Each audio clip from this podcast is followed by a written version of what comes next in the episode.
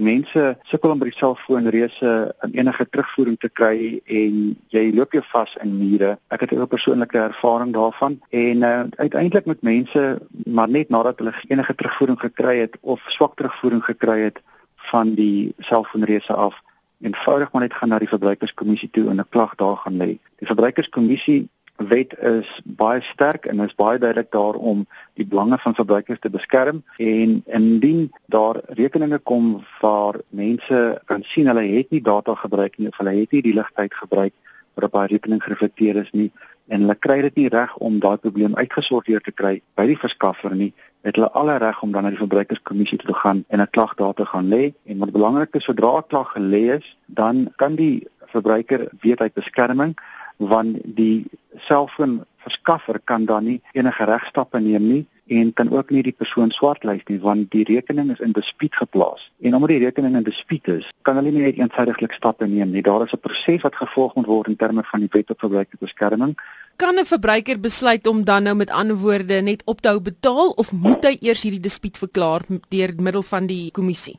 Nee, eers die dispuut verklaar by die kommissie en dan kan dan daai persoon sê maar ek stem nie saam met 'n deel van die rekening nie of dalk die volle rekening afhangende van die aard en omvang van die probleem.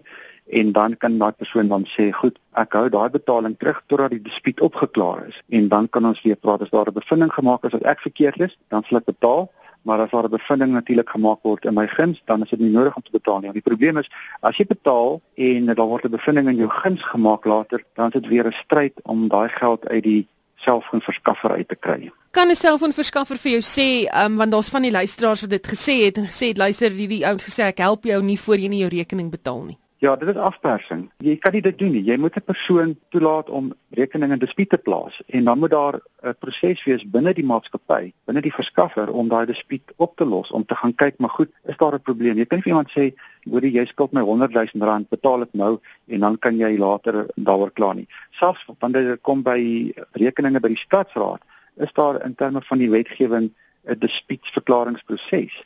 So jy kan nie net gedwing word om alles te betaal en dan moet jy dit weer terug eis later nie. Dit plaas mense in 'n baie baie moeilike posisie. Dit is 'n ongelyke magsposisie. Vat dit lank om die klagte te lê?